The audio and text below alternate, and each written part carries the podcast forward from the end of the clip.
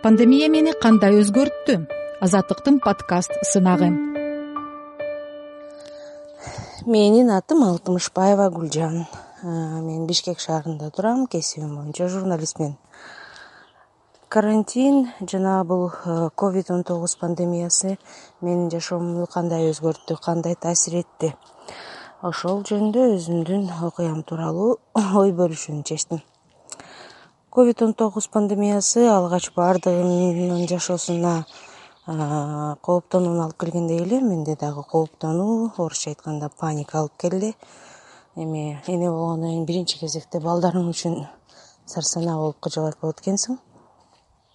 Балдарымды ойлоп силерди кандай жашоого алып келдим өзү деп өзүмө өзүм суроо берип жалтыраган көздөрүн карап жаттым. Кокус оору жугуп калса эмне болот анын үстүнө тиги дарылануусу дагы жоктой болуп башында күмөн болуп жукса эле кырылып калчудай болуп коркуп жатканбыз. Ошон үчүн абдан чоң коркунуч сезимдерди алып келди.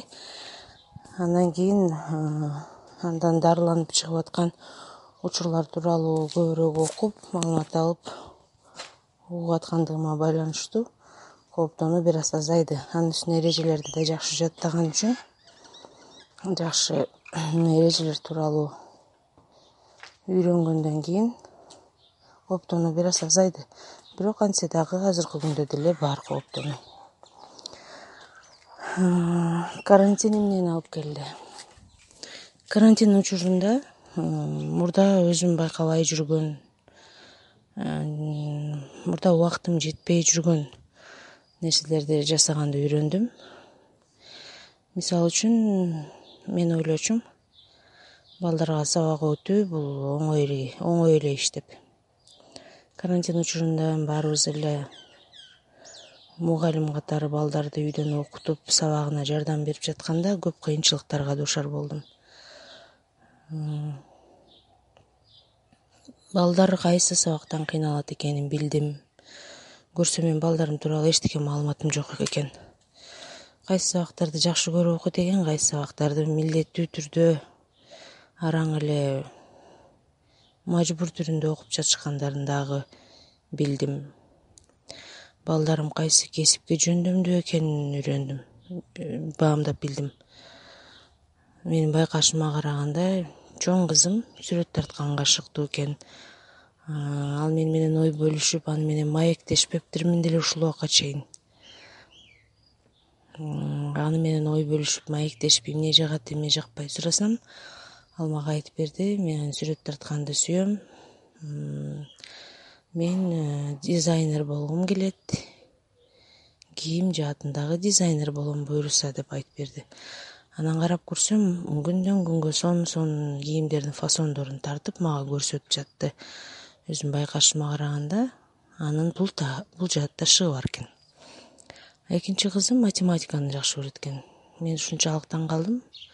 Өзүм баягы гуманитардык э, илимдерди жакшы көргөн үчүн журналист болгон үчүн э, ушундай сабактарды көп деле жакшы көрчү эмесмин. Мен үчүн таң калыштуу болду. Математиканын эмнесин жакшы көрөсүң деп көрсө анын да жакшы көрө турган жактары көп экен. Ал айтат. Мен математиканы химияны астрономияны жакшы окугум келет келечекте мен астронавт болгум келет мен алыска акшга барып насада иштегим келет компьютердик технологияларды өздөштүргүм келет деп аябай ал кызым мени таң калтырды анан уулум биринчи класс ал кааласа окуп кааласа окубай карантин ал үчүн аябай бир жакшы нерсе болду. Карантин сонун турбайбы кааласам уктайм кааласам окуйм деп ал сүйүнүп жатты анан ар түрдүү тамактарды убакыттын кеңирдигине байланыштуу жасап берип жатсам балдарым сиз ушундай тамактарды жасай аласызбы эмне? деп таң калып атты мен ойлойм ушул күндөрдү балдарым көпкө чейин эстеп айтып жүрүшөт деп. Өзүмө келип токтолсом карантин турмушумдагы жеке турмушумдагы чечимди мындай бир кабыл алганга түрткү болду жакшы чечимди кабыл алганга. Ага чейин баягы олку солку болуп чечиле албай бир чечимге келе албай жүргөнүм. Бул турмушка чыксамбы чыкпасамбы деп ойлонуп жүргөм. Анан карантин учурунда бул дагы бир баягы чоң түрткү болуп жашоо ушундай турбайбы бат эле убакыт аз турбайбы бат эле өтүп кетет турбайбы деген түшүнүктөр ой толгоолор башыма келип отуруп анан турмушка чыгууга макул болуп макулдугумду берип сүйлөшүп жүргөн адамыма турмушка чыгып баш коштук. Карантинде той өткөрө албадык бирок күтүп жүрүп карантин бүткөндөн кийин жакан тойчук өткөрүп келдик айылына барып. Саналуу айлардан кийин балалуу болгону турабыз наристелүү. Мен ойлойм карантин бизге э, жеке менин турмушума абдан чоң өзгөрүү алып келди деп. Пандемия. Жашоодогу көп жакшылык жамандыктарды баамдап түшүнүп баалап калат экенсиң. Аларды баамдап түшүнүп баалап калдым. Биздин мамлекеттин башына мындай нерсе биринчи жолу түшүп аткан үчүн кыйын болду. э, мамлекет эле эмес ар бир үй бүлөнүн экономикалык жагдайына терс таасир тийгени үчүн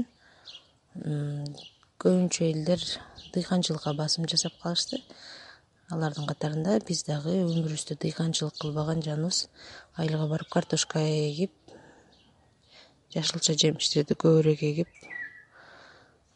күзүндө дагы бир экинчи толкуну болуп калбасын деп даярдык көрүп кам көрүп мал салды көбөйтүп ушул жагына басым жасадык. Мындай нерсе менен мурда алектенип көрбөгөн жаныбыз. Андайды да үйрөндүк. Эми айтайын дегеним ар бир адам кандай кыйынчылык жаралбасын ар бир адамда ошого жараша иммунитет пайда болот экен. Менде дагы ошондой ковид он тогуз пандемиясына күчтүү болбосо дагы күчтүүрөөк иммунитет пайда болду десем болот. Көңүл бурганыңыздарга рахмат. Аты жөнүм гүлжан алтымышбаева пандемия мени кандай өзгөрттү? Азаттыктын подкаст сынагы